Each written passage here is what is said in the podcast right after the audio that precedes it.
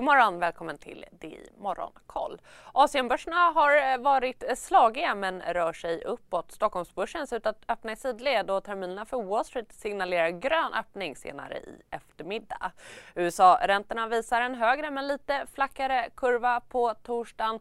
Den tvååriga statsobligationen har fortsatt stiga runt 1% medan tioåringen sjunker tillbaka något till 1,86% ändå en punkt upp från igår. Vi börjar i Kina där centralbanken sänkt referensräntan för andra månaden i rad. Centralbanken har sänkt ettåriga referensräntan med 10 punkter till 3,7% och den femåriga med 5 punkter till 4,6% Detta följer andra räntelättnader som skedde tidigare i veckan. I Shanghai så stiger börsen i 1,5 procent, Hongkongbörsen strax 2,5% när fastighetsutvecklare lyfter i spåren av kinesiska räntesänkningen. Även tekniksektorn går starkt med internetjätten Tencent och e-handelsbolaget Alibaba som avancerar 5% vardera. Meituan rusar över 8% I Tokyo är börsen upp närmare 1,5% Bland enskilda bolag rekylerar Sony upp 5% konglomeratet Softbank och biltillverkaren Toyota strax 2% var. Den japanska exporten ökade med 17,5% i december jämfört med december 2020. Det var mer än analytiker räknat med. Importen steg aningen mindre än väntat med 41,1 i USA så har Joe Biden nu suttit på posten som president i ett år. Vid en presskonferens igår svarade han på frågor om sin tid på posten men mycket handlade också om Ukraina. Biden sa att han tror Ryssland kommer agera mot Ukraina men varnade Ryssland och sa att landet kommer få betala ett dyrt pris för en fullskalig invasion. And so I think what you're going to see is that Russia will be held accountable if it invades and it depends on what it does. It's one thing if it's a minor incursion and then we end up having a fight about what to do and not do, etc. But if they actually do what they're capable of doing with the force amassed on the border, it is going to be a disaster for Russia. Mm, och vad gäller tullarna på vissa varor från Kina så sa Joe Biden att det är I de sekunderna jag är i luften så är det en kamp på liv och död.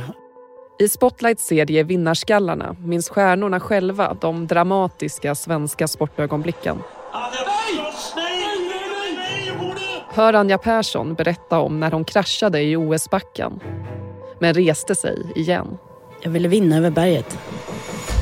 Vinnarskallarna. Nytt avsnitt varje fredag. Sök efter podden Spotlight. Osäkert när de kan lyftas.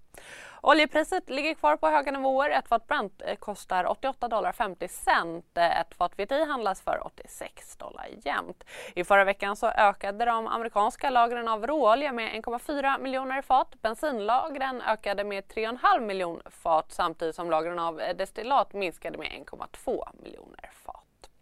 Så Sverige, mobilspelsbolaget Stillfront har ingått ett avtal om ett förvärv av Six Waves för en total initial köpeskilling om motsvarande 1,8 miljarder kronor. Stillfront genomför en företrädesemission om ungefär 2 miljarder kronor för att finansiera förvärvet. Bolaget släppte också preliminära siffror för fjärde kvartalet igår där nettoomsättningen ökade med 32 till 34 procent från motsvarande period i fjol.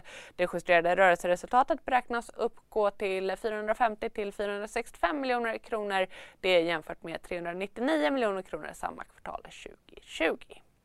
Riskkapitalbolaget Open Ocean har eh, sålt av hela sitt eh, innehav i Truecaller. Priset per aktie fastställdes till 72 kronor vilket innebär en rabatt på närmare 12 procent om man jämför med gårdagens stängningskurs. Enligt ägardatatjänsten Holdings så ägde Open Ocean motsvarande 3,9 procent av Truecaller i slutet av förra året och var då bolagets åttonde största ägare.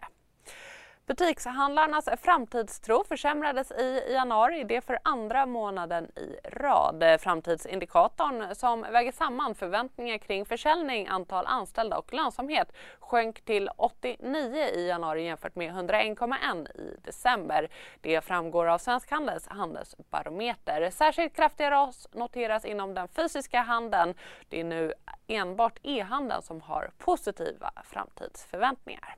Och positiva framtidsförväntningar det har även jag för idag så drar ju rapportsäsongen igång på allvar. Klockan åtta sänder vi extra. Då fokus på Sandvik och Avanza som kommer med rapporter. Hoppas ni är med oss då. Trevlig dag.